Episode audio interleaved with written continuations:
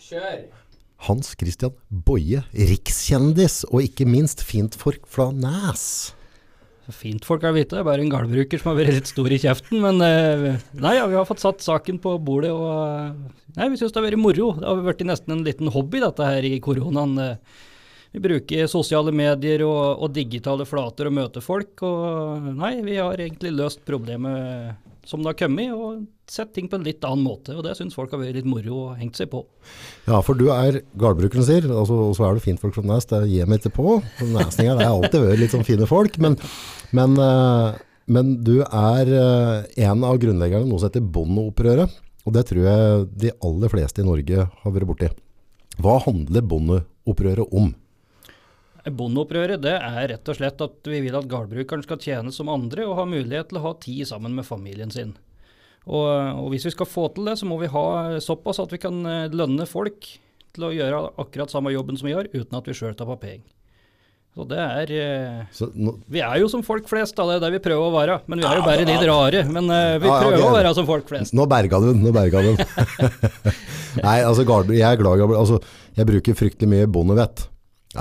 Eh, og det er jo egentlig I boka mi så er bondevett tufta på å gjøre det beste ut av en situasjon som ikke er ideell. Eh, det er jo en grunn at jeg ikke er god med slegge og spett og ståltråd. Det er for at det er ikke bare alltid å gå og kjøpe nytt eller bestille liksom, eh, noen til å komme og montere opp. Tenk må løse det på stedet.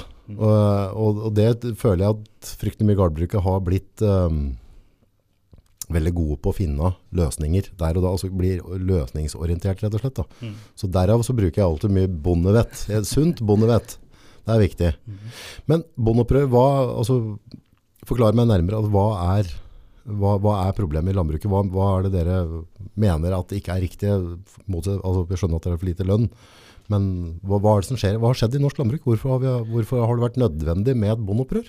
Nei, Det som har skjedd, det var jo at vi, at vi kan gå 30 år tilbake til tid. Ja, Da kom det en, eh, en ny eh, avtale på hvordan ting eh, skulle beregne eh, lønnsomheten i jordbruket. Og der er vi jo allerede ved kjernen. Fordi at da, da setter du eh, et lønnsomhetsmål som da skal dekke lønna di, altså vederlag for arbeid, som det heter. ja, Og så egenkapitalen, avkastning på det. Altså hvis du kjøper en traktor, eller at du bygger et fjøs, eller setter penger inn i bedrifta di, så skal det være en avkastning på det. Men det begrepet har de egentlig glemt litt. ja. Og det er jo litt sånn da, hvis vi skal ha fortsatt jordbruk i Norge der mer og mer eh, trengs ta investeringer i fjøs og traktorer når vi blir større og større, så må vi jo få en avkastning på det. Ellers så kjøper vi heller hytter og aksjer der det er forventa at du skal ha en avkastning. For Ja. vi, vi, vi er jo økonomer, vi driver jo forholdsvis store bedrifter etter hvert. ja. Og da må vi jo få lov til å drive på et økonomisk vis. Men, men har dere da på en måte ting som ikke er, altså har andre, altså aksjemegler, har de andre noen fordeler som dere ikke har da, som gjør at de får avkastning, eller er det at de ikke driver gærlig, eller åssen, hva, hva er, Nei, det er rett og slett når vi går inn i jordbruksoppgjøret. eh, Det er jo en, en avtale som eh, politikere og jordbruket gjør hvert år. Forklar nærmere jordbruksopprøret, eller nei, oppgjøret, og hvordan, er det formet ut, og hvordan funker dette der? Ja, det, Nå blir det jo veldig teknisk, da. Det Ja, hadde jeg egentlig ja. håpet de skulle unngå.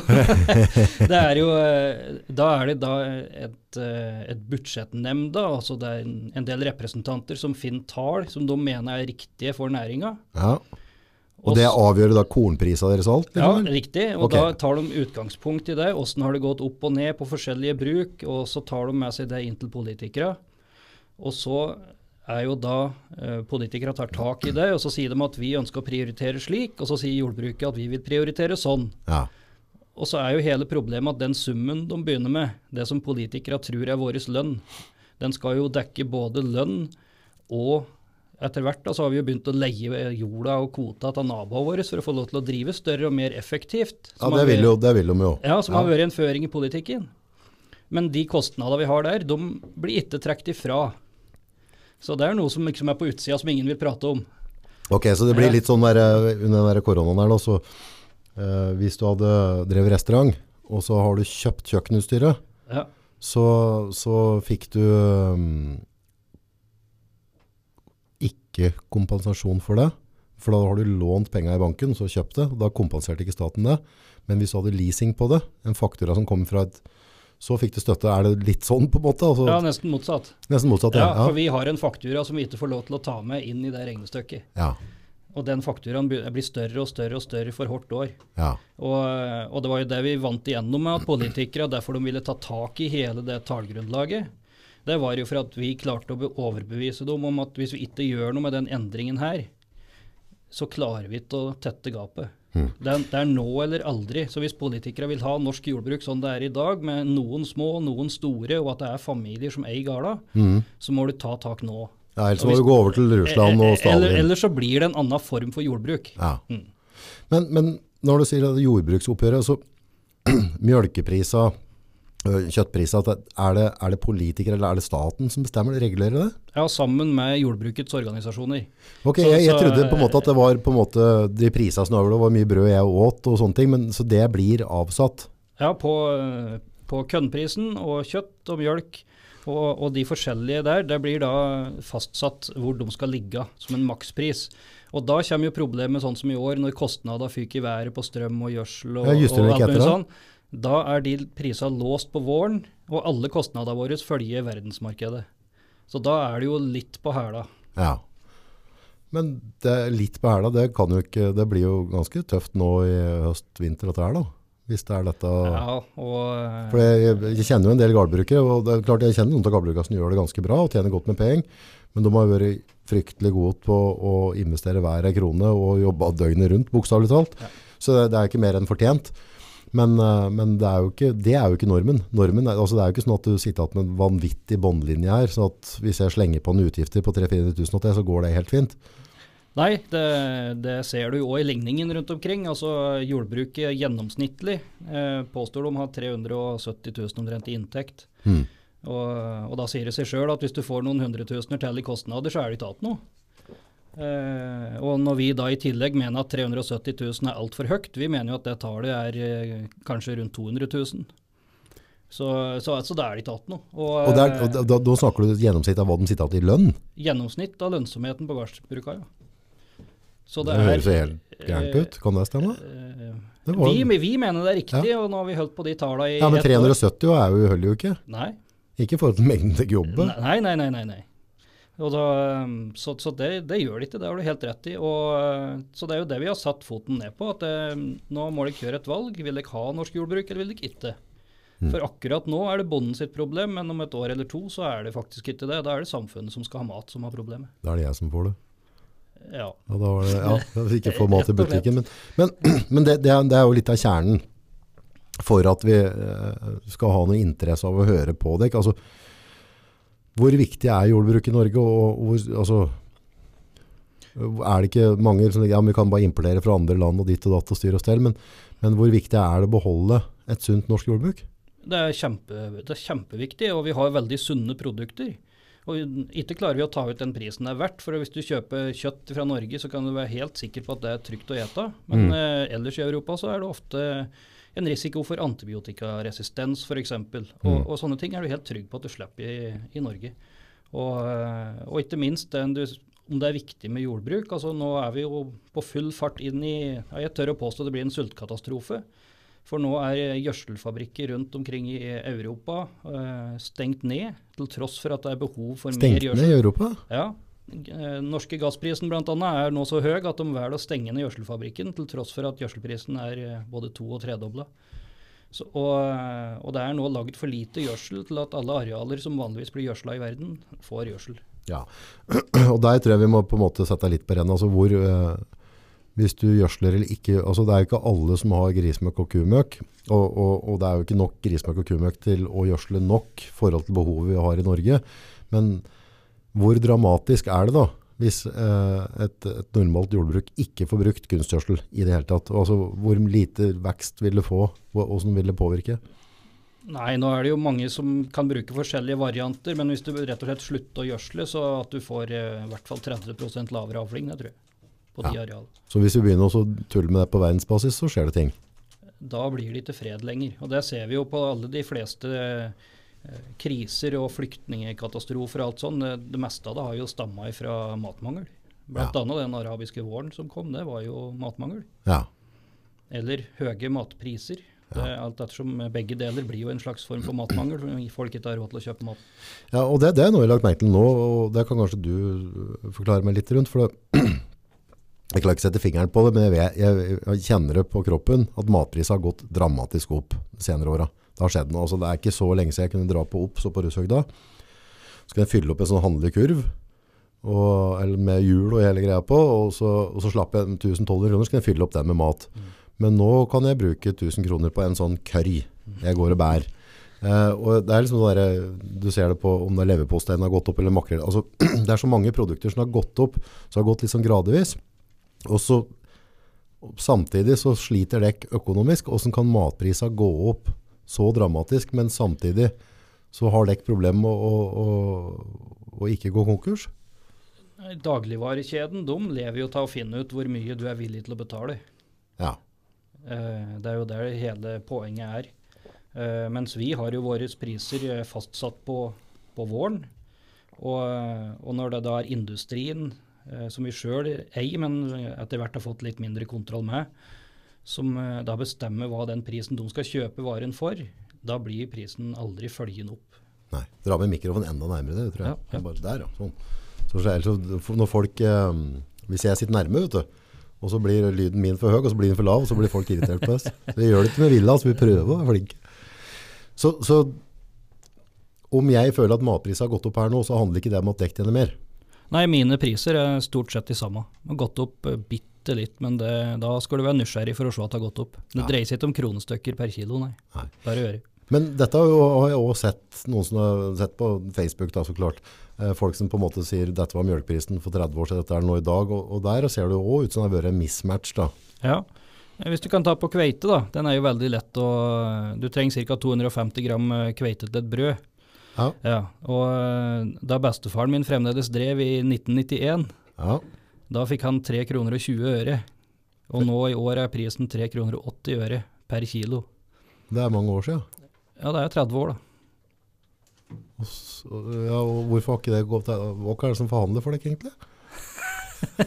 Jeg hadde en Espen Lie på, Ja, på kanskje vi skulle prøve han. Kanskje vi skulle prøve han. Ja, for jeg foreslo Ja. at vi kunne egentlig brukt han mot politikere òg. Ja. Ja. Kunne vært litt megler der. Ja, nei, det, er altså, det, Vi har jo hatt et system nå eh, i de åra der eh, det har jo ikke funka. Der vårt faglag, eh, Bondelaget, som da har forhandlingsrett, eh, sier at nå må vi finne ut hva som er mulig politisk, Ja. i stedet for å si hva er det gårdbrukeren trenger. ja. Og det er klart at det, det har vi ikke kommet veldig godt ut av. Eh, over sikt. Med fasit i hånd så kan vi si det, det har vi ikke kommet godt ut av. Nei. Og så kan du si at alternativet er verre, men nå er vi på et punkt der eh, alternativet er at vi gir oss, og da er det jo egentlig Ja, og der har jeg sett noen tall at at, at det er en del som har, eh, har gitt seg. Ja, i, um, siden 2010 så har halvparten av alle som driver med mjølk i Norge lagt ned. Så to, ok, Ja. Og, eh, halvparten. Ja, Mm. og, og det er jo klart at da det er, jo en øk, eller det er jo en nedgang som ikke kan vedvare over tid, hvis du skal ta med deg alle arealer. Og det har jo vært vårt hovedpoeng hele veien, at vi må sørge for at vi har en politikk som gjør at all matjorda i Norge blir dyrket og laga mat. Ja. Og den har de jo kjøpt politikere nå, da. Eh, så det er vi veldig glad for. Og det dreier seg ikke om at alle skal ha heltidslønn på bruket, eller heltidsjobb, men det dreier seg om at de timene du faktisk lager mat, så må du tjene penger på det.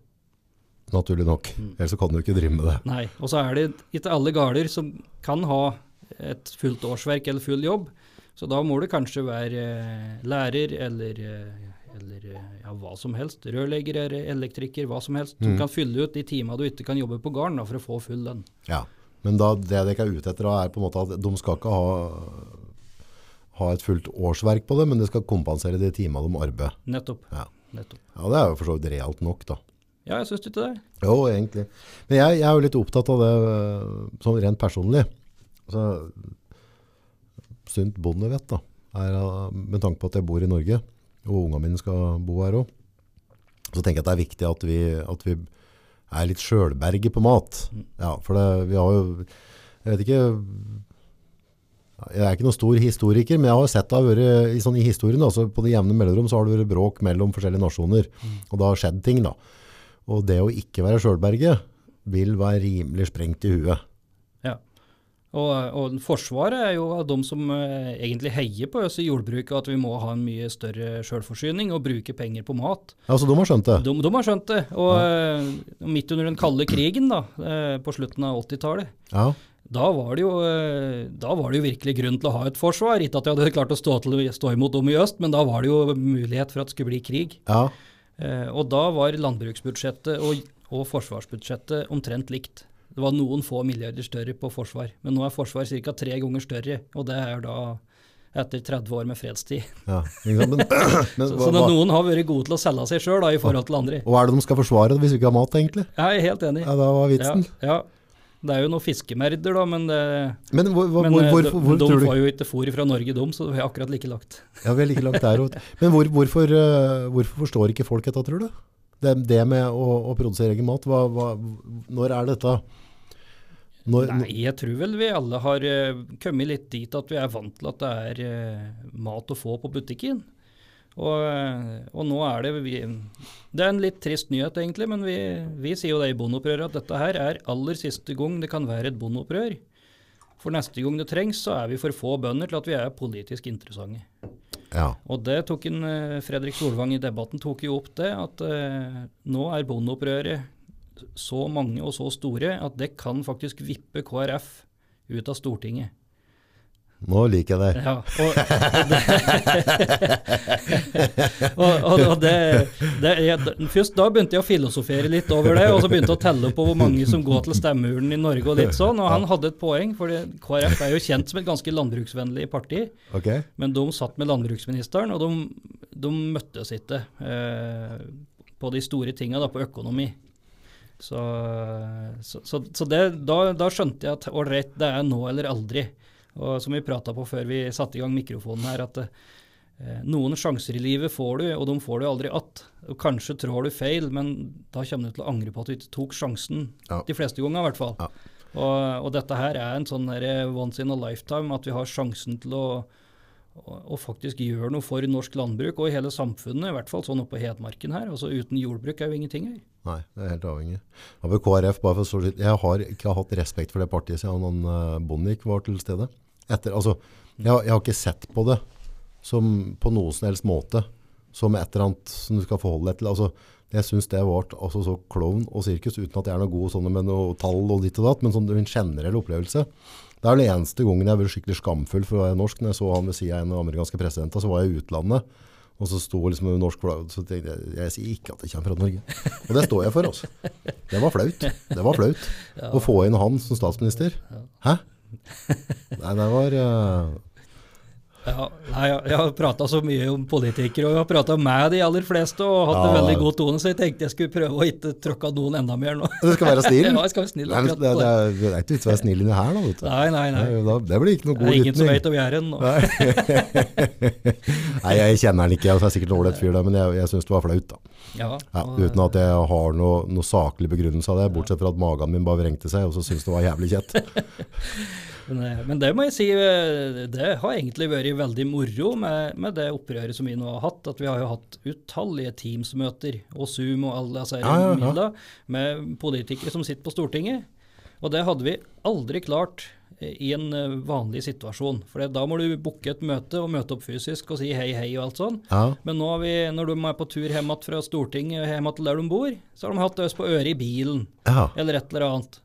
Og hvis de har syntes det har vært interessant, så har de tatt en snartur utom en, eh, en skautei eller bygd det er lenge siden de har besøkt, da, for da får de prata litt lenger med oss. Og, Så og, så, så vi har, vi har nytta alle mulige sånne smutthull, og så har vi sagt at uh, vi vil ha et møte, du bestemmer tida. Ja. Da er det som regel eh, på tur hjem igjen fra Oslo eller et annet møte der de har kjørt en del. og vi, vi har brukt alle muligheter, da. Og, og alle de vi har prata med, syns at det egentlig har vært ganske ålreit å prate med oss. ja. Ikke at de er enige første gangen, men vi har, vi har dratt fram en del synspunkter, og så merker vi at det har kverna og gått litt i huet både tidlig og seint. Og, og så tar vi et møte til, og da er holdningen en annen og løsningsorientert. Hvordan er det dere argumenterer? Altså, hvordan synspunkter er det dere på en måte må, må plante for at, eh, at du skal få en forståelse? Hva er, det, hva, er den største, hva er den største misforståelsen politikere har? Økonomien til gårdbrukeren, Ok. åssen åssen den faktisk er. Én ting er det beløpet de ser som de skal gå i forhandlinger med, men en annen ting er hva vi har i baklomma. Ja. Og det er jo det vi har måttet forklare, og ikke minst at vi, hvor mye vi arbeider. Det er det jo ingen som tror på. Nei. Uh, og det kan jo òg variere, så klart, men, men de som har en intensiv husdyrproduksjon, der er det jevnt over over 3500 timer i året. Og det, er- det jo ingen som tror på oss når vi, når vi begynner med de tallene. Men uh, vi forklarer jo da når vi begynner, og hvor mange døgn vi arbeider i løpet av et år, og litt sånn forskjellig. Og da, da sitter regnestykket etter hvert. Mm. Uh, og så har vi jo sagt at vi gir pokker i de 30 åra som har vært. Det som betyr noe, er de 30 åra som kommer. Ja. Og det er der dere som er politikere har mulighet til å påvirke. Mm. Enkelt og greit. Og da har du sluppet den herre De fleste er jo innmari redd for å bli tatt for feil. Mm. Men det er òg fryktelig mange av disse der som er sultne på å være en helt. Ja. og den har vi spilt veldig mye på. Jeg har spilt veldig mye på. Jo, men det, det mat er viktig, og mat må vi ha. Det er jo ikke rare utdannelsen du skal ha for å skjønne at du må ha mat på bordet hver dag. Så, så, så vi må jo ta dette på seriøst. Det er jo... Men forklar meg litt, altså sånn, en typisk Lola søndag eller mandag, altså hvordan ser en arbeidshverdag ut for deg da, for? Hvordan, når, Ja, vi har jo brukt, eh, investert en del og, og har en del tekniske løsninger, så jeg begynner klokka sju. ja, eh, og, og så driver jeg på til jeg er ferdig. Og noen, noen dager er det klokka fem om aftenen, og andre ganger så er det kveldsøkt og, og vær så det. Så så du er ikke ferdig tre liksom, og så skrur du av? Nei. Og så er du, sjøl om du har tekniske løsninger, da, så betyr det at da er du heller aldri helt ferdig. Hvis en sånn teknisk sak eh, ringer, så, så må du ut og ta deg av den. Ja, ja. Og det, det, sånn er det bare. Det Ja, er- for det du er- driver med dyr, Ja, ikke sant? ja, ikke sant? Altså, det er levende individer du skal passe Ja. på. Så går ikke an å bare si at nå drar jeg på ferie, og så skrur du av liksom Nei, nei det går ikke. Og i, du, og i hvert fall ikke når du har eh, Du har jo dyr hele tida, så da er det jo det er jo å følge opp, og det er vi, og vi er stolte av det vi gjør. Eh, Man skal jo huske på det at i Norge så er det trygg mat, og eh, det er liksom eh, Det er gode, gode resultater. Og de, eh, de nyhetsoppslagene som kommer på, på dårlig dyrevelferd og sånne ting, det er rett og slett personlige Jo, jo, er nedturer. Ja, Og det, ja. det kan jo skje. det er Hvis du arbeider 4000 timer i året og ikke sitter igjen med penger, så skjer det noe med en. Ja, ja, ja. han skal ikke slå alle over én kam der, da. Nei, nei. Og, men hvor mye mat er det vi produserer sjøl i Norge nå, og åssen ligger det an der? Eller, Ja, de, eh, nå er det ca. 35-36 selvforsyning. ja. Ja. Og resten kommer fra utlandet? Resten importerer vi. Ja, og har, har du drevet med fisken og alt da, eller åssen? Ja, det er jo det offisielle tallet på, på sjølforsyning i Norge. Ja. Som politikere nå vil øke til 50% Å, Ja, Så det er jo en eh, kjempeglad nyhet, og men hvordan skal vi klare det? Nei, det er jo spørsmålet, da. Eh, det betyr i hvert fall at da må alt arealet være med. Ja, Og kanskje må vi ete litt grann mer eh, frukt og grønt, og, og litt sånn eh, direkte konsum fra åkeren, for å kalle det det. ja.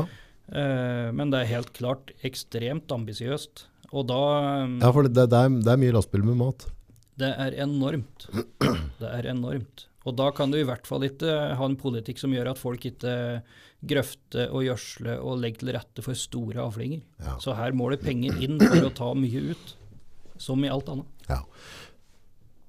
Når det kommer til økonomien, da, eh, så kan du forklare folk sånn at de på en måte, for du nevnte både grøfte, eh, du skal gjerde, du skal vedlikeholde, også det blitt ganske strenge krav nå. Mm. Altså har du et avtrekksvift i et fjøs, så er det ikke dermed sagt at du ikke må bytte ut det, for det er, noe, det er noen regler rundt der, du har gjørseltrekk. Men kan, kan du forklare folk som skjønner, for folk tenker liksom at eh, nei, vi slår sammen all jorda, så er dette ferdig. Mhm. Men eh, altså grøfting, da, for dem som på en måte ikke vet hva det dreier seg om, så er- handler det på en måte om å drenere et område, sånn at du kan på, altså at du kan gro ting på det. Ja, Men det, det, er- det er ganske fælt arbeid, det er, det er kostbart. ja, det er gravemaskin, eh, eller da noen eh, nye ploger da, som du kan kjøre hvis det er uten stein i bakken. Men stort sett i Norge så er det gravemaskin, og noen steller dynamitt. Ja, Og få lagt ned et plastrør som tar unna vannet. ja, og når du får til det, så, så, så vil avlinga øke. fordi at det, når det er blaute år, så, så, så vil jorda fungere veldig bra, i stedet for at det drukner. Eh, Er det mange, øh, er det liksom sånn at øh, 80-90% av bruksarealet i Norge trenger ikke å grøftes, eller er det mer normalt å grøfte, alt må grøftes? veldig mye må grøftes, og veldig mye ble grøfta etter det forrige opptrappingsvedtaket på midten av 70-tallet. Så de er på tur De, ut. de er eh, mer eller mindre tette nå mange plasser. Så det er eh, en enorm innsats som skal settes inn for å øke norsk eh, matforsyning. Ja. Ja, for det, det, det er dette som er på folk sier som at du tenker, altså Gardbruka de hyler og skrik, de har, men de har fine lover, de har ditt, har datt, men det, det jeg tror ikke folk har dratt med seg der, er jo på en måte om du har et lån da, på 20 millioner og bygger opp en driftsbygning og driver en sunn matproduksjon, så, så, så er det ganske mye løpende kostnader rundt det. Ja, enormt. Enormt. Og eh, et veldig godt bilde på det fikk jeg her om dagen. Da var det en han, eh, Fikk regning i fra. Nei, ja, det- ja det òg. Men han, eh, han hadde da bygd nytt fjøs for ti år siden, Ja. og, og med en mjølkerobot. Mm. Og, og da hadde han bytta ut, eh, bytta ut mjølkeroboten nå etter ti år. Og så hadde han bytta ut en, eh, en sånn en fôrblander, en maskin som lager til fôr til kua. ja. Og Det var, mjølk, de, det var de to tinga han hadde bytta ut da på ti år, og nå var gjelda akkurat like høy som da han bygde. Og han har meget gode driftsresultater. Han er flink å drive. Ja, og det, det sier jo da litt om margina, tenker jeg da.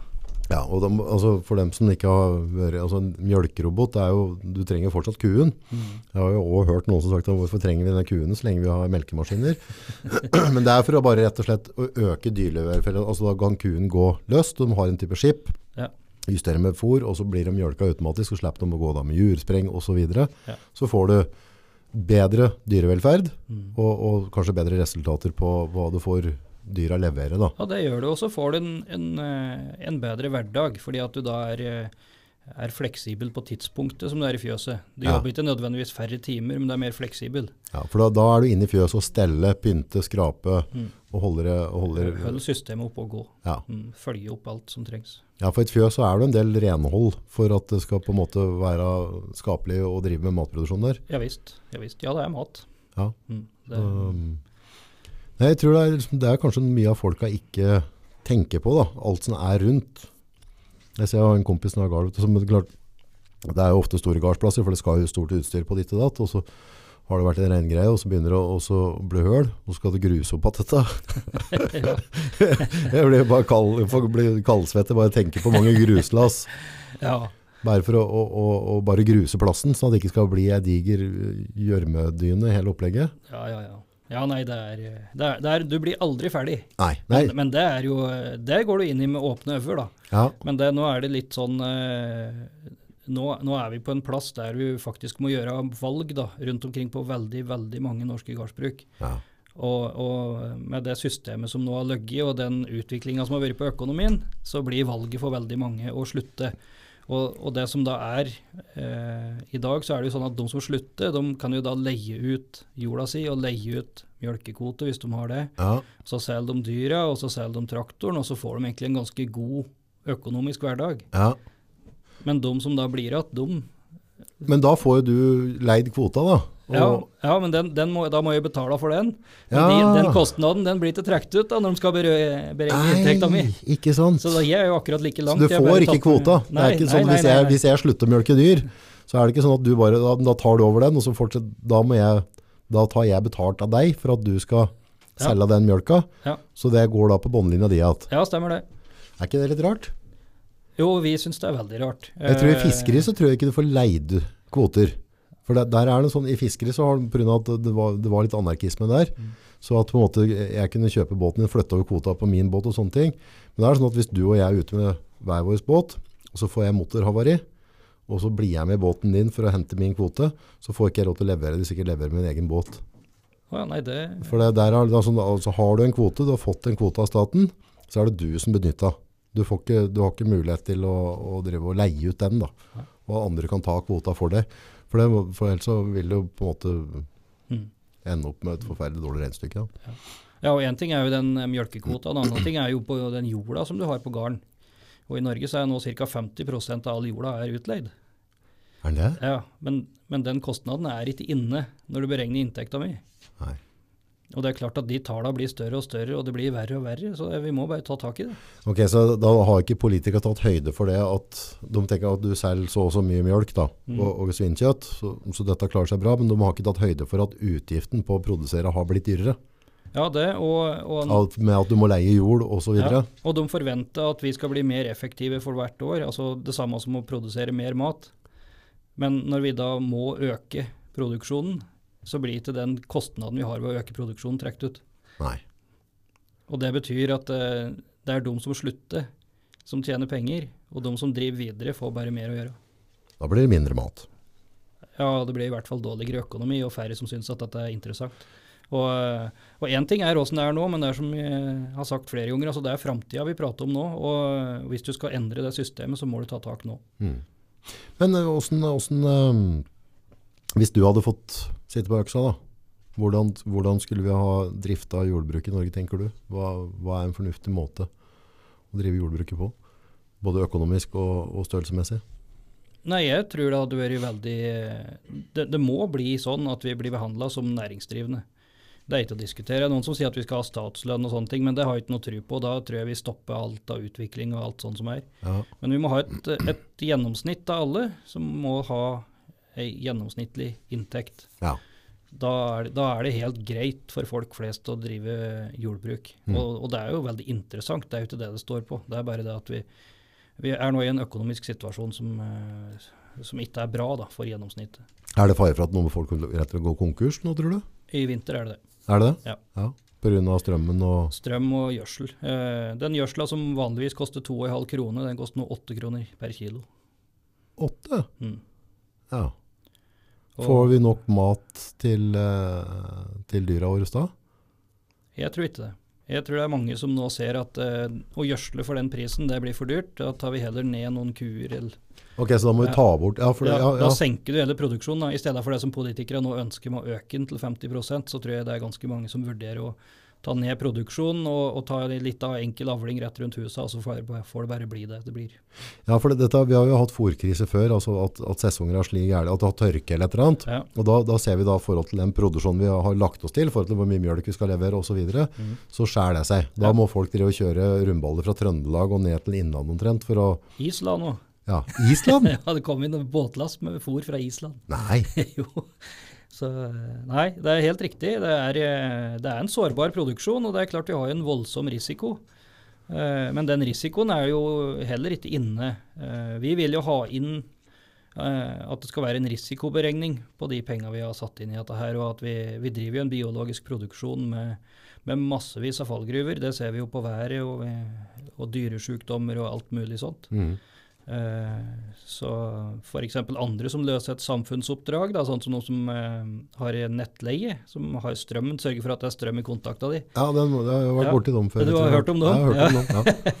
Eh, bare for at du har stålmaster med litt kobbertråd i, de har jo 8% avkastning Ja. på, på egenkapitalen, altså, altså eiendelene sine. ja. Og det, vi løser jo et samfunnsoppdrag, vi, og jeg mener jo at det er litt større risiko med det vi driver med. Så vi kan jo ikke godta noe mindre enn det, tenker jeg da. Nei. Nei, og det er jo ikke for mye å be om, egentlig. Nei, det er jo ikke det. Og jeg tror ja, jeg, det, nå, jeg vet ikke så fryktelig men jeg tror ikke det er riktig så mye vedlikehold på de strømkablene. Det har jo ikke vært gjort det, i hvert fall. Nei. Og du ser det, hver gang det blåser, så er jo hele egen uten strøm. Ja. Så Nei ja. Nei. Det, er, det er mye å ta tak i. eh, det er- litt rundt der nå. Ja, det er lovlig, det. Ja. Det er, eh, Men mange er det på gruppa deres? Hvor mange er det som har signert opp altså er ca. 60 000. 60 000 som har Ja, og vi var eh, Og da- da- I hvert er fall i sommer en- så var vi det største oppropet da, i sånn Facebook-regi i Norge noen gang. Så det syns vi var litt kult. Så Ja. det, er, det er jo noen som syns litt grann om gårdbrukere fremdeles, da. Og Jeg gjør det hver dag jeg et, ja. Ja, akkurat. Ja. Så, og, og så gjorde vi et lite triks, og det var eh, Det er jo mange ordførere i Norge, mange kommuner, som er avhengig av jordbruket, så vi begynte å innhente eh, signaturer fra ordførere. ja. Så tenkte det kunne være en greie da i et valgår, og så, og så vise fram at grasrota i de ulike partiene er jo faktisk på våre side. Mm. Og da fikk vi inn over 300 av 356 ordførere i Norge som skrev under, inkludert en eller to fra Fremskrittspartiet. ja. Så det er eh, Folk ute i bygden de skjønner hva vi driver med. ja. Så, så det, det var egentlig et litt uh, godt triks. Og det, eh, de ordførere, og noen av dem har vært helt fenomenale. Det er bare å ta av seg hatten og støtta opp og, og tatt våre argumenter og, og løfta dem videre i partiet. og ja, Virkelig bra. Jeg syns det er rart om ikke Ja, altså mat. Ja, Go men det er, liksom. eh, Altså, så er det, jo, det er jo mange ting som har vært brukt penger på opp igjennom. Altså vi, for noen år siden så hadde vi jo det barnehageløftet. ja, Og det ble jo vedtatt og gjennomført uten at noen hadde regna på hva det kostet. Ja. Det gjelder jo dem som er fra null til fem år. ja. Så dette her er jo eh, Ja, De er til i barnehagen nå, tror jeg. ja, ja det gjør de helt sikkert. Og, vi, har jo, vi har jo et brannvesen som vi bruker mye penger på, som eh, vi håper jo vi ikke har bruk for, dem, men eh, gud bedre jo kjekke de er å ha. Ja. Og det er jo litt sånn eh, det er, det er mange hjul da i dette maskineriet vi har i samfunnet. Så Det kan jo, altså, landbruk er en samfunnskritisk rolle.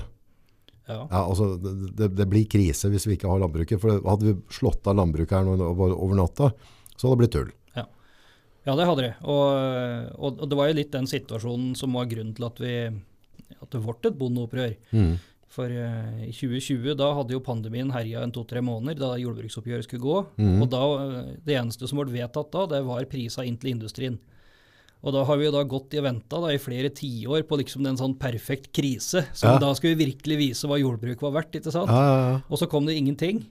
Og da var det en del i, rundt min alder som tente på alle plugga, og så møttes vi, og vi var en ja, 20-25 stykker som prates som litt løst og fast. Åssen i all verden kan vi klare å snu den tankegangen på at gårdbrukeren ikke er verdt noe? ja. Og så eh, endte vi opp med ei gruppe på fem stykker, eh, og, og vi har brukt vi har brukt pandemien med de media og den eh, muligheten det gir. altså. I, I stedet for å si at nå er det stengt, nå er det pause, så har vi da tatt over det tomrommet som har vært der, og fått komme i kontakt med utrolig mye folk. og Det, er, eh, det har vært virkelig moro. Så når vi ser over den lista over folk vi har prata med, så det er jo helt utenkelig. Men eh, folk er trivelige å ha med å gjøre, så lenge vi har noe spennende å prate om. ja. Hva, hva blir videre framdrifta nå for, å, for å, å nå de måla som dere ønsker å måle nå, da? Nei, nå er, det, nå er det rett og slett å få fortært fortalt eh, sannheten om hva som er situasjonen i næringa. Mm. Eh, få politikere som skal bestemme til å, å, å ta inn over seg hvor mye penger som faktisk mangler for at vi skal være jamstilt på inntekt. Og så må det da være de tallene som eh, ligger til grunn i forhandlingen til våren. Mm. Men jeg tenker litt sånn med, med folk generelt, så, så det har jo den Facebook-sida som er Bondeopprøret. Mm. Eh, der, det, det er noen fargeklatter blant dere òg, da. Det er noen hårete karer som rauter litt. Så, måte, så, så det er jo litt underholdning der, og så er det mye god informasjon. Så selv om det ikke er bonde, så er det fint mulig å følge den sida og få utbytte av det. Ja, og det har vært et mål. Ja, At vi skal klare å gjøre jordbrukspolitikk sånn at folk flest skjønner det. ja, For det er, eh, egentlig er det ganske enkelt. Det dreier seg om vi skal ha matproduksjon i Norge eller ikke. enkelt og greit. Ja. Og så er det da lagd utallige med ordninger for at det skal være matproduksjon. Ja, Og tilskuddssoner og gud veit det er så mange ordninger. Så når, når vi da skal begynne å prate på dette her, så er det nesten, nesten helt umulig å få folk til å skjønne det. ja. Så vi har jo kokt det veldig ned og forenkla det. Og så har vi jo prøvd å komme helt ned på timelønn. For Ja. da skjønner folk hva vi driver med. ja. Og det vi driver med er 120 kroner timen. 120 kroner timen, ja. Og det 21 og 20. 21 og 20. Eh, du har jo lærlinger på, som elektriker, du har mer enn det, tror jeg. Ja. 120 og det er gjennomsnittet. det er snittet, så det er noen som tjener mindre og noen som tjener mer. Ganske mange tjener mindre, og noen tjener mer. Og, og hvis du er eh, advokat og kjøper Staur gård, Ja, så er du da per definisjon bonde i statistikken. Så den lønna hans, den er da gårdbruker. Ja. så han, han drar opp. Han drar litt opp, ja. ja, ja. Men eh, nei da. ja. 100, det, det var ganske dramatisk. Det går, det går, du får ikke det til å gå rundt. Det er ikke rart det blir opprør. Nei, det er ikke rart det blir opprør. Helvete. Nå, nå, nå holder det. Ja, og eh, så har det jo vært, altså det er mange måter å gå fram med en sak på. altså Du kan, eh, du kan kjefte og smelle og bruke bare store ord og stygge ord. Eh, Men da får du ikke hatt noen venner til slutt. Nei. Og det er jo egentlig eh, Vi har kun prata på saken og lagt fram den. Sånn er det. Gjerne prøver å motbevise oss, men det har de enda ikke klart noen, da. I, i hvert fall i, i grove trekk. I grove Nei. Ja. Og, og, og da står det som fjell, og da, da er det ingen vits til å bli sint og sur, for at det, da har vi prata på saken, og så er vi enige i det. Så har vi vært enige da med politikere nå at vi skal prøve å øke egenproduksjon til 50% Ja, Det er, sånn jeg, det er musikkøra mine, da. ja. Ja, for jeg syns det er galskap. Så det som står i Hurdalsplattformen nå, er jo at vi skal ha samme inntekta som vanlige folk, med nye tall, ny tallberegning på hvordan vi faktisk har økonomien vår. Ja. Og så skal vi øke sjølforsyninga til 50 Hmm. Det er helt fantastisk bra. ja, kanskje det kan bli en liten opptur for deg da? Ja, jeg tror det. Ja. Det hele det kommer an på om vi har, eh, har organisasjoner og folk som skal eh, kjempe vår sak, som, eh, som rett og slett klarer å finne de riktige verktøyene da, for å få til dette her. Hmm. For det er jo klart at hvis økonomien øker veldig, så er det jo mange som kanskje kommer til å lage litt mer mat og større, større fjøs og alt mulig sånn. Altså det blir for mye av det, men det, når du skal ha 50 så Det blir ikke for mye av det med det nei, første. Nei, det er Nei. langt unna. Det er langt unna.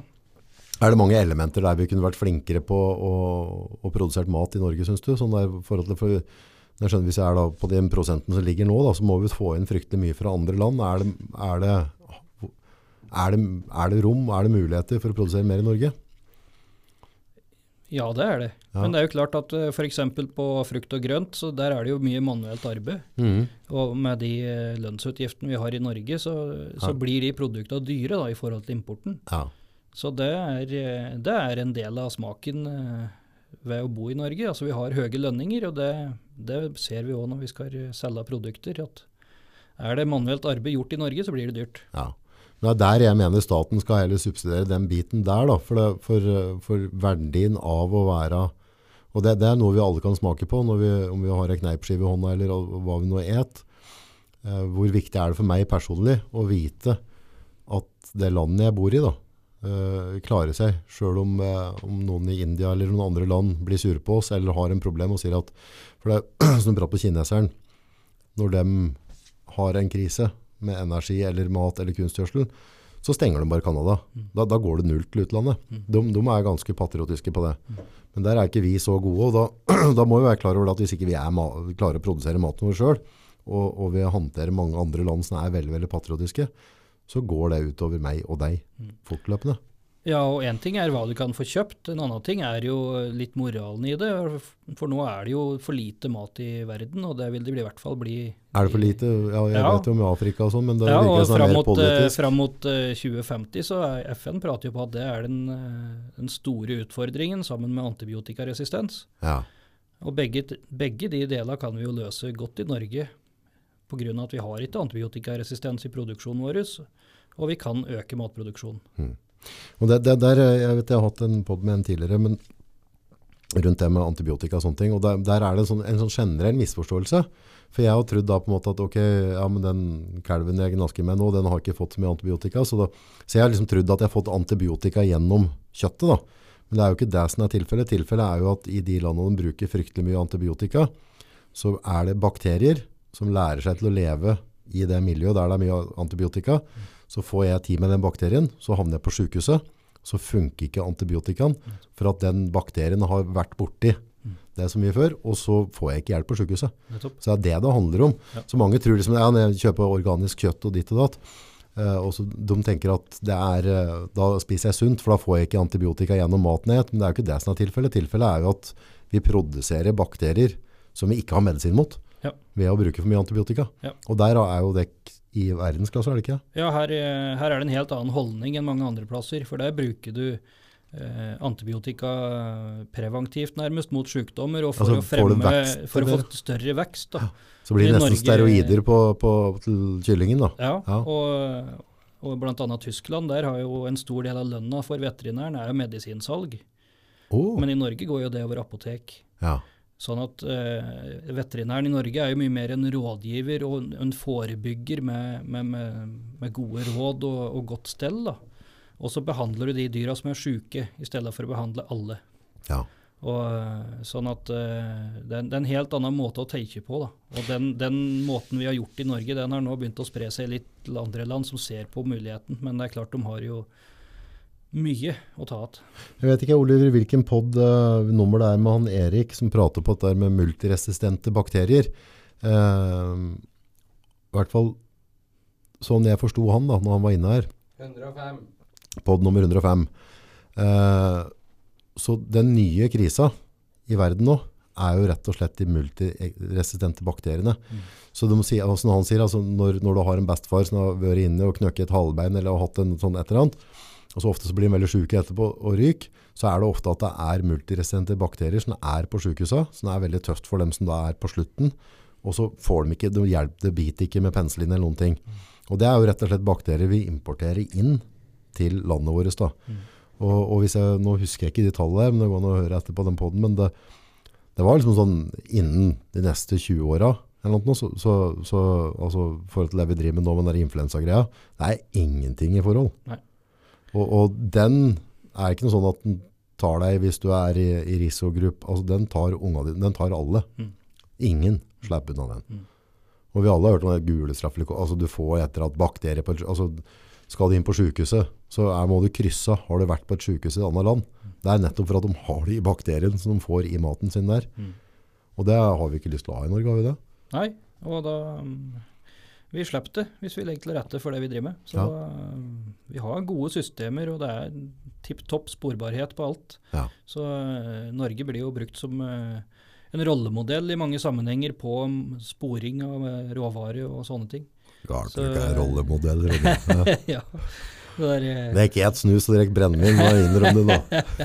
vi desinfiserer, vi, vet du. Ja, det, ja, det gjør det skikkelig. Nei, hva, hva, hva, bør vi i befolkningen gjøre da, for å sørge for at dere har det greit? Altså, er det noe, noe jeg kan bidra med? Er det noe andre kan bidra? Altså, hva, hva skal vi gjøre for å vekke øya til? på- Altså, vi vil ikke ha de bakteriene, vi vil være selvforsynt. I hvert fall vil jeg det. Ja. Eh, hva, kan jeg Nei, det mener man? enkleste, enkleste er å ta, ta den maten som er, eh, er norsk, Mhm. Og, og etterspørre den, og så sier butikken at, eh, at her, her ligger det bare tysk eller import, men da, da kan den få ligge i fred. Ja, Det er massevis av gode produkter, og du, du må jo ikke ha kjøttdeig av svin hver gang du skal ha. Du kan jo ta storfe iblant hvis Ja. det er tomt for norsk svin, ja, ja, ja, for eksempel. Ja. Så det, å, det du gjør i butikken med aktive valg der, det, det betyr veldig mye til slutt. Er det merket greit i butikken nå, eller? Senterpartiungdommen ville jo at vi skulle ha samme merkinga som du har på snusboksen din, på Ja. importkjøtt. Jeg syns den var litt morsom. Ja, så, ja ok. Ja, ja. Da, da har du dratt det langt. Ja, det, ja, det har du da. Eh, men jeg syns, eh, jeg syns det er veldig liten skrift på opprinnelsesland. Ja. Nei, jeg, jeg, og jeg har ikke vært noe god på å tenke på det sjøl, for jeg ser på pris.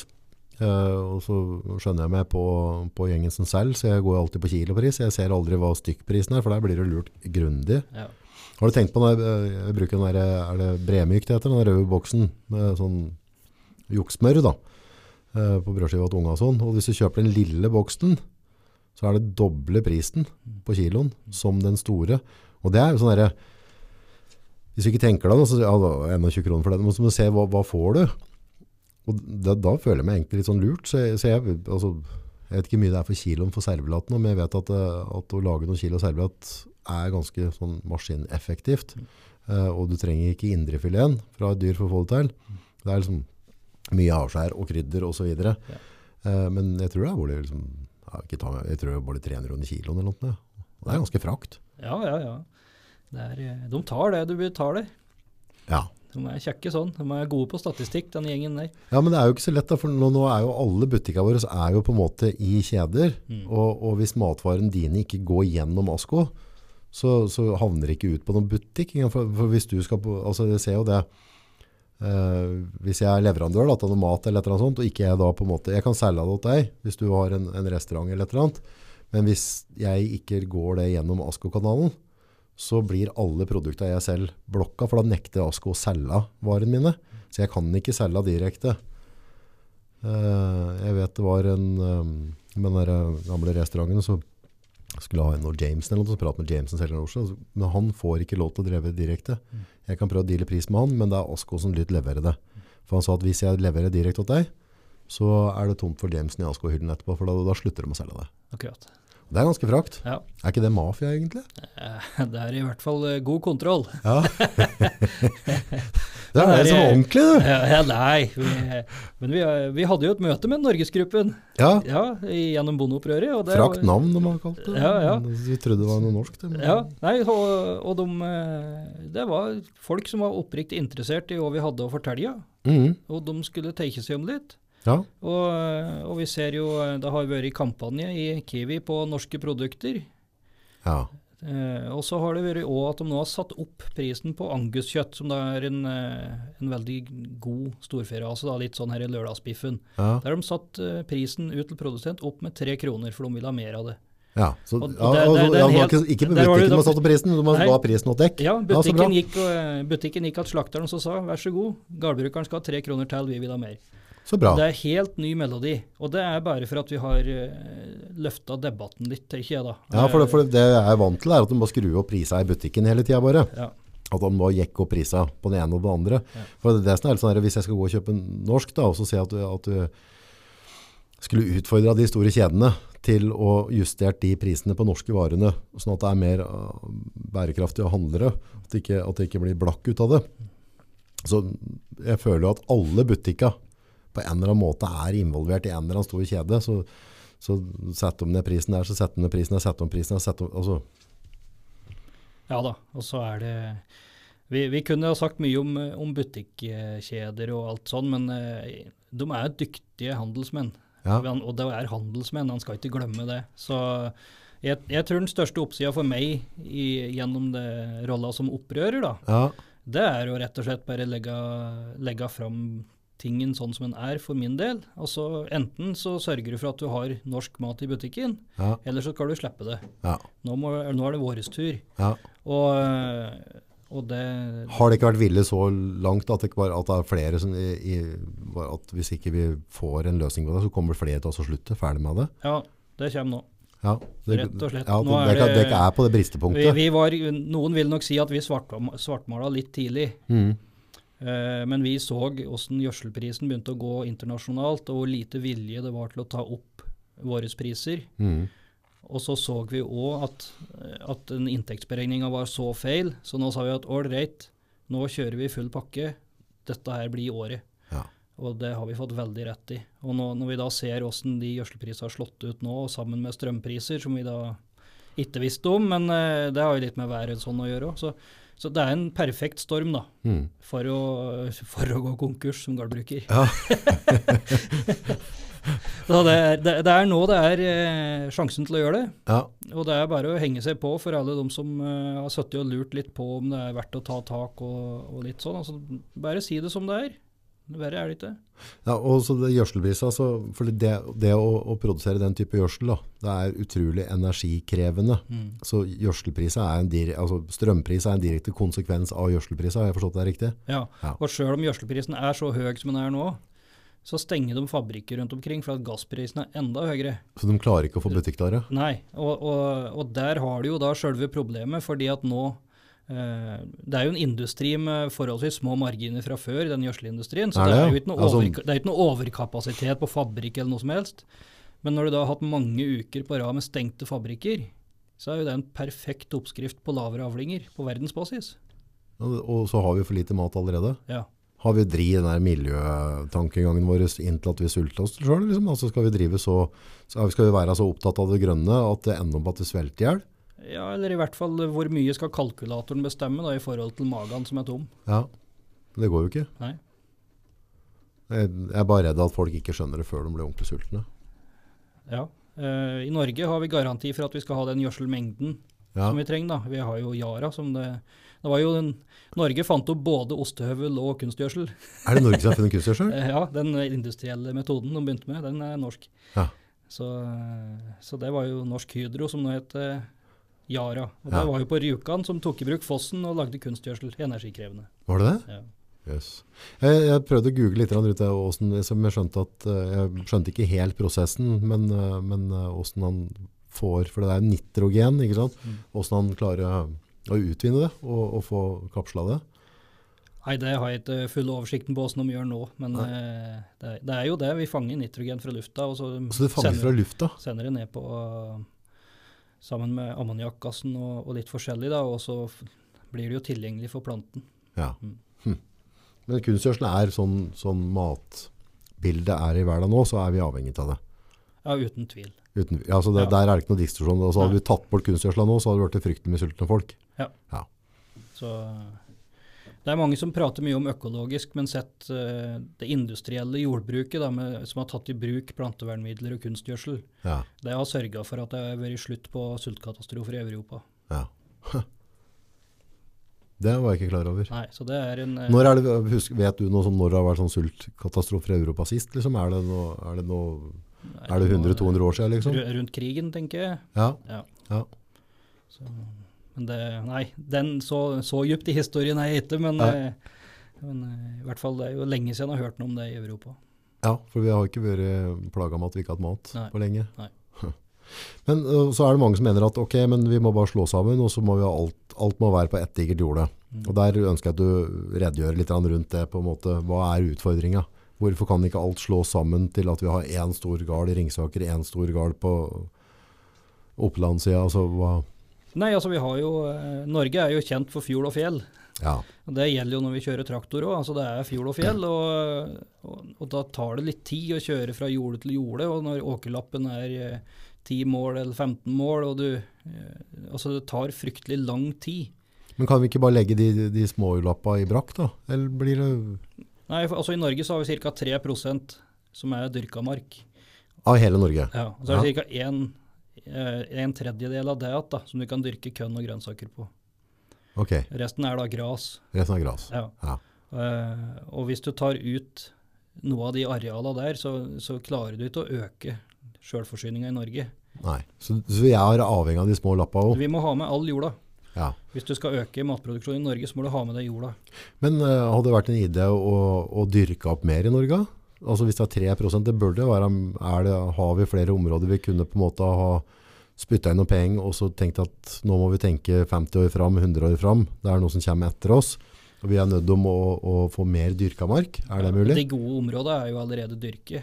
Ja. Eh, men eh, du har jo noe myr og sånt, da, men det vil de jo helst eh, slutte å dyrke på det som allerede er i drift. Ja. Så der er det jo karbonutslipp og Ja, for så, du vender det på myra. ja, ja, ja. Så, Men har vi store arealer vi kunne ha dyrka mer i Norge, tror du? Nei, ikke meg bekjent. Nei, Nei så det er, ikke sånn, det, er ikke, det er ikke noe quick fix. Så vi er nødt til å ta vare på de lappa vi har. Ja, ja, ja. ja. Ja, Helt klart. det er ikke der Og, eh, så, så det er på mange måter et, et valg du tar. da, altså Når du skal øke matproduksjon, så sier det seg sjøl. Det er bruk av jord. Ja. Men, men det er ikke 10% av jorda i Norge som kunne vært dyrka, på en måte. Nei, ikke på langt, nei. Nei. nei. Så, og det er, det er noen som sier at norsk jordbruk skal tjene penger på å bli større. Ja, Men, men så lenge vi da har det arealet vi har og lite å ta av, så, så er det litt vanskelig. ja. Men i, i Brasil f.eks., de nydyrka eh, enorme 13 000 kvadratkilometer i fjor. Altså ca. en fjerdedel av norsk kornproduksjon ble nydyrka i fjor. Da, da blir du Oh! større. Da blir du større. Det var på ett år. Det er på ett, altså, ja. de, oi. Ja, og det er jo Amazonas. Ja, da meier de det noe Ja, ikke sant? Ja. Og, og apropos å bruke penger, Norge har brukt ca. 8 milliarder kroner på å verne regnskog de siste 10-15 åra. ja. Og oppgjøret her var Eller det de er med og bruker nå. Her bruker vi ca. 16 milliarder i året. Ja. Så, så det er klart at eh, det er alltid prioriteringer i politikk. Ja. Så det handler om å, å, å ønske, ønske å prioritere. Hvis vi ønsker og får en riktig ønske om å prioritere, så mener du at vi kan snu på det. Og eh, sånn er det nå, da. Så er det gardbrukeren sitt problem. Mm. Men om kort tid så er det ikke det lenger, for da har den bare Og det er det bondeopprøret handler om. Ja. Vi, vi ønsker å skape optimisme, da. Mm. Det, å, å få aktive bygder og, og, og distrikter som blomstrer. Folk som kan pusse opp igjen husene sine og, og sette snekkeren i sving og rørleggere og hele pakka. Ja. Det, er ikke, det dreier seg ikke bare om jordbruket, dette her, men få hele distrikta til å, å vende litt oppover. Da. Hvor viktig er det, for eksempel hvis du tar Ringsaker da, hvor viktig er det at vi har gårdsbruk der med tanke på arbeidskraft og, og altså slakterier og, og, og så videre? Nei, det, hvor, hvor viktig det er, det er jeg ikke sikker på, men eh, eh, det er nå i hvert fall eh, 1000 ansatte bare på Nortura og Tine. Ja. Så, så jordbruket sysselsetter og Bygde-Norge i seg sjøl. Ja, ja, ja. Ja. Og, eh, og så er det jo sånn med små skoler rundt omkring. altså Hvis du tar bort en familie eller to, så, så ryker den skolen. ikke sant? Og så Det er litt sånn, eh, det er en vond spiral. da. ja. Og vi vil helst, for det er, vi har nok å gjøre på disse gårdene våre. Så det er jo mange som driver det som egentlig skulle være fulltidsbruk, men har jobb utenom. Ja. Så hvis du da kunne hatt den personen til å drive bare gården sin, da, ja. så har du jo skaffa én jobb tilgjengelig. Det har du òg gjort. Utenom. ja, ja. Sånn at det er veldig mye Det kan blomstre skikkelig, ja. hvis en vil. Har vi sett noe tilsvarende på andre land rundt der de på en måte ikke har tatt hensyn til jordbruk, og at det har gått litt skeis? Har dere noen sånne eksempler der det på en måte ikke har tatt vare på? Ja, ja Nord-Sverige er jo et godt eksempel. Okay. Der er det jo der er det jo gått veldig dårlig med jordbruket, og mye gjengrodd og fraflytt. ja. Så der er det dyrka mark som ikke er i bruk mer? Ja, og, og EU har jo også praktisert et, eh, et system der det bare er å holde eh, jorda i hevd. da. Så det er eh, like greit å så bare kutte ned kratt en gang iblant, og så har du liksom de tilskuddene du trenger. Å, så da får du tilskudd selv om du ikke dyrker på det? Ja. Bare det er åpent, ikke er grodd ned med trær? Ja, ikke sant. Så um, det er litt, eh, det er litt sånn der, eh, som du sier, altså du er glad i mat og vil ha mat, men det, når du dyrker på sånne breddegrader som vi driver, da, så, så blir det dyrere enn når du driver rundt eh, ekvator. Ja, og da, da tenker jeg jo, da, da må vi, bare vi som nasjon investere i det som en trygghet da. Ja, jeg håper at folk er enig i det. Og det, det så jo litt sånn ut under valget. og både SV og Senterpartiet Valget, og, det har vi sett før. Eh, Så vi har jo et flertall i Stortinget da, for de tinga som vi har jobba for. Ja. Eh, og det, det kommer ikke av seg sjøl. Jeg ble oppriktig glad at, at, at det var en intensjon om at vi skal ha 50% egenproduksjon. Det synes jeg er tøft. Ja. Ja, da, det er tøft. Det er skikkelig tøft. Og da må vi gjøre de riktige tiltakene for at vi legger det til rette. Da. Ja. Og, og det gir en kjempejobb til de, de tillitsvalgte som er i jordbruket og de lønna. At eh, her må vi tenke litt nytt. Mm. Når du var i NRK og pratet, hva var det du måtte svare for det? For på den måten, altså, hvilken, eh, hvilken kritiske spørsmål fikk du? Eller hva, hva Nei, da gikk det jo mest på å, å forklare de, de tala. Det var jo det som var grunnen til at vi lagde et opprør, at det tala er feil. ja, Og, og få prøve å få liste utpå uh, landbruksministeren på det. ja, Og så var det jo å få det vinkla til eh, hva dette her kunne bety. Om, om vi klarte å få KrF ut av tinget hvis de ikke hørte på oss. da. ja, ja. Det var jo det Fredrik Solvang som var inngangen til, til hele debatten. Så eh, Hva syns du om han? Han er, synes, han er jo Han er jo ta dum jeg syns er litt artig å høre på, for han, han, eh, han er ganske spiss, spiss tunge og, og er ikke redd for å sette fast folk eller sette på plass folk. Altså, han, han, ja, han er jo egentlig kul, da, syns jeg. ja, ja. ja, Ja. ja, ja. ja det, er, jo- det er jo han som er sirkusdirektør der. Han eh, gir seg ikke før han eh, får et svar, han. Nei, Og hvis du ikke gir et svar, så er det egentlig bare et dårlig svar, det òg. Så han er ganske god på det, syns jeg. Ja. Og, nei, han er uh, god. Hva var din opplevelse av han? Åssen type er det egentlig? Han er skarp. Skarp? Ja, jeg tror det er det eneste dekkende ordet. Ja, Han er eh, virkelig på plass, altså. ja. Han har bra kapasitet. Ja, han har god kapasitet, og det, er, det er ikke bare ett tema der. Han skifter tema flere ganger i uka, og, og det er helt utrolig hva han får med seg av detaljer. Ok, og du merka at han visste mye om det du prata om? Ja, det er ikke alle vi prater med der vi får oppfølgingsspørsmål på detaljer. Nei. Nei. Altså, han, var, han var helt nede i materie? Ja, jeg syns det. Ikke Sjølsagt litt ifra overflaten må det jo bli, men, eh, men eh, han hadde lest, ja. Ja. Mm. Tøft. Ja, Ja, han har tatt opp mye bra. ja jeg syns det. Og han klarer å skape gode debatter da, og litt, eh, litt fres, og det må det være. Ja, ja, det er litt sånn. Og så var det møtene. Det blir litt sånn starstruck, da, for han er jo en sånn rikskjendis, han da. Ja, så det Men nei, er du en sindig kar fra Hedmarken, så er det litt, skal det litt til å vippe av pinnen. Ja. ja, men du måtte føle litt på det når du skal inn i studiet der, og det er jo også komme fra ut på, på Næslandet, og så skal du inn liksom i riksdekkende fjernsyn og, Ja, og var, pinnen, og du har jo sett folk har vært høvla over land før, så du måtte kjenne litt på det. Ja, og så det var jo nøyaktig en måned etter vi erklærte opprør, da. Ja, Så, så, så det er jo klart, ting hadde jo gått fort. Og hvis du hadde fortalt meg det liksom eh, 10. april at den 11. mai, da skal du stå i NRK-studio og, oh. og ta for deg landbruksministeren, liksom. Det var ikke så veldig mange som hadde trodd på det, men eh, det var faktisk et av de delmåla vi hadde, da. ja, altså det var et mål. Og, Ja, At vi skulle klare å gjøre saken så folkelig at, at vi var interessante for debatten. Så det, det syns vi var litt moro, da, at en eh, faktisk tok kontakt. Så, mange av dere er det som driver aktivt med dette her, er pådrivere? Vi er fem stykker. Fem stykker. Ja, og mange rundt oss som, eh, ja, som, som hjelper oss, og som, som eh, syns at vi har en veldig god sak. Da. Mm. Eh, som er flinke på eh, ja, alt mulig. Vi, altså, vi er jo helt vanlige gårdbrukere som driver gårda våre på, på fulltid. og eh, Jeg vet ikke hvor mange møter vi har hatt for traktorsete. Ja, du kjører på et traktorsete òg?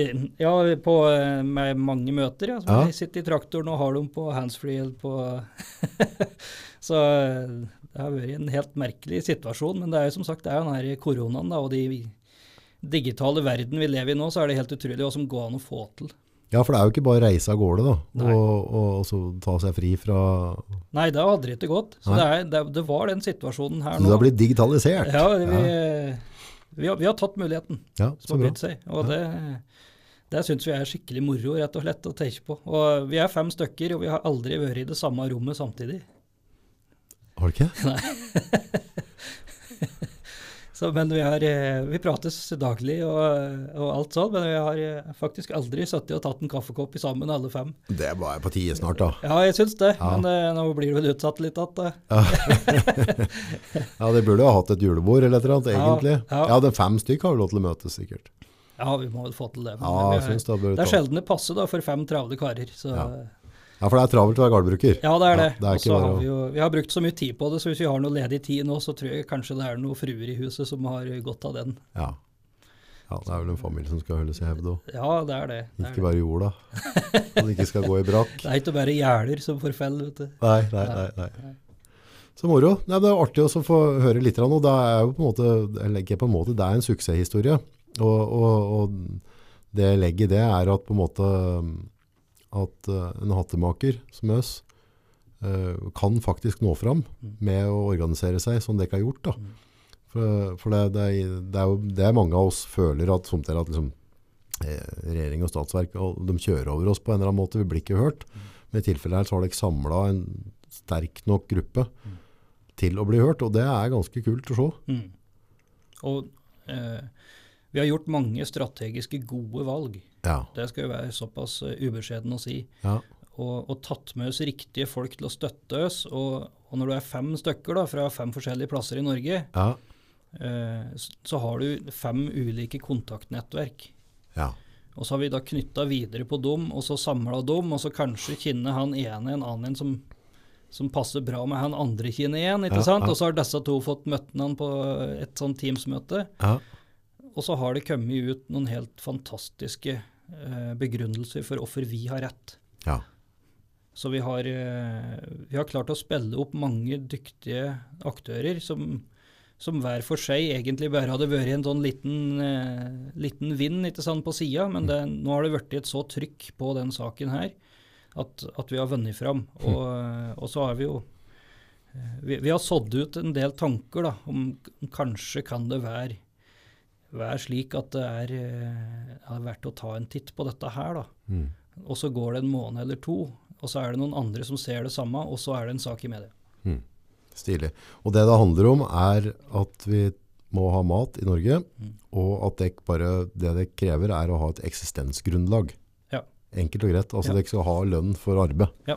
At, eh, at avgifter og dit, for det, det er så jeg prater litt, jeg ser litt på sånn der, eh, at noen går inn og raner deg med, med, med å legge på masse type avgifter og, og, og et rammeverk rundt gårdbruket som gjør at det blir fryktelig, fryktelig dyrt å drive. Og så må det komme på knær og gråte for å få igjen litt av det ransutbyttet. Og Det handler om altså, Dere må bare få spillerom til å drive butikk. Mm. Enkelt og greit, egentlig. Ja, og det handler, det handler om politisk vilje, Mm. rett og slett. For er vilja der, så løser det seg, mener du det? Ja, ja, ja. ja. Og, det er, eh, og, og nå er vi i en situasjon der det er eh, Problemet er veldig enkelt. Det er for dårlig lønnsomhet, og vi har lyst til å være som folk flest. Lykke til, løs det. Ja, Fiks dette, kara. Nei, det er trivelig å ha deg på besøk. Så, som sagt, alltid fint å ha fintfolk fra Næs. Ja, det, er, det, det er første gang jeg har blitt kalt for fintfolk, så det var koselig. Jeg kaller alle næsninger for det. Det er, det er liksom en sånn greie. Det. Ja. Og så lykke til, og så håper jeg at dere får et godt oppgjør. Ja, det gjør vi, og det er, eh, det er opp til oss sjøl. Det er det bestandig. Nå har politikere vært, veldig offensive på våre vegne, så nå skal vi være offensive sjøl. Ja. Og dere er klare til å brette opp armene og gjøre den jobben som skal til. Ja, ja, ja. Tusen takk. da. Takk.